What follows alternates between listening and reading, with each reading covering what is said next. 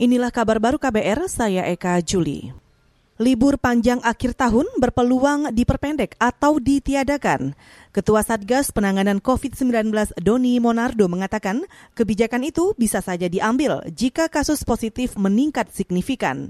Doni menyebut ada lonjakan kasus dua pekan terakhir yang diduga disumbang oleh momen libur panjang cuti bersama akhir Oktober lalu. Kalau ini bisa diketahui bahwa kasusnya tidak mengalami peningkatan dan juga eh, kita masih bisa mengendalikannya dengan baik, ya insya Allah pada akhir tahun yang akan datang kita tetap memberikan masukan kepada pemerintah untuk bisa melanjutkan libur panjang.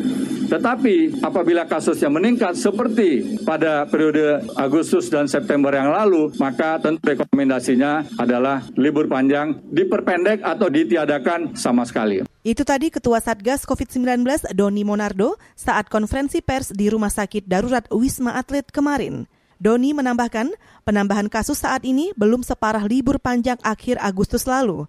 Ia mengklaim angka pasien yang dirawat masih terkendali.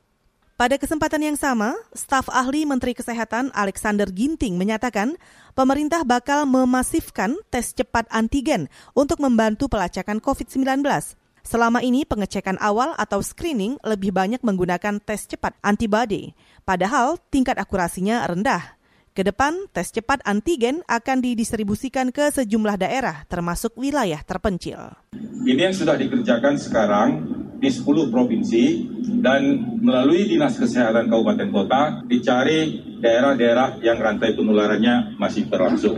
Yang kedua, bahwa bidang kesehatan Satgas COVID-19 juga mengoptimalisasi pemeriksaan testing tersebut, baik yang PCR, yang close maupun yang open system. Bahkan di daerah-daerah yang tidak terjangkau, dia akan direncanakan untuk diciptakan satu alat instrumen rapid test antigen. Staf ahli Menteri Kesehatan Alexander Ginting juga menambahkan, petugas medis di daerah bakal dilatih untuk meningkatkan jumlah dan kualitas tes. Alex mengklaim pemerintah terus memperbaiki manajemen pelacakan, tes, dan pengolahan hasilnya untuk mengurangi gap atau rentang waktu antara penularan dengan pengumuman hasil tes. Kita ke berita olahraga. Pebalap Spanyol, Juan Mir, meraih gelar juara dunia MotoGP 2020. Kepastian ini usai Mir finish di urutan ke-7 balapan seri ke-13 di Valencia hari Minggu kemarin. Balapan di sirkuit Ricardo Tormo itu dimenangi Franco Morbidelli. Meski hanya meraih satu gelar juara seri, Mir tampil konsisten sehingga mengungguli para rivalnya. Pebalap Suzuki berusia 23 tahun ini mengemas 171 poin dan tidak bisa lagi dikejar pebalap lain. Kendati MotoGP masih menyisakan seri terakhir di Portugal. Saudara, demikian kabar baru. Saya Eka Juli.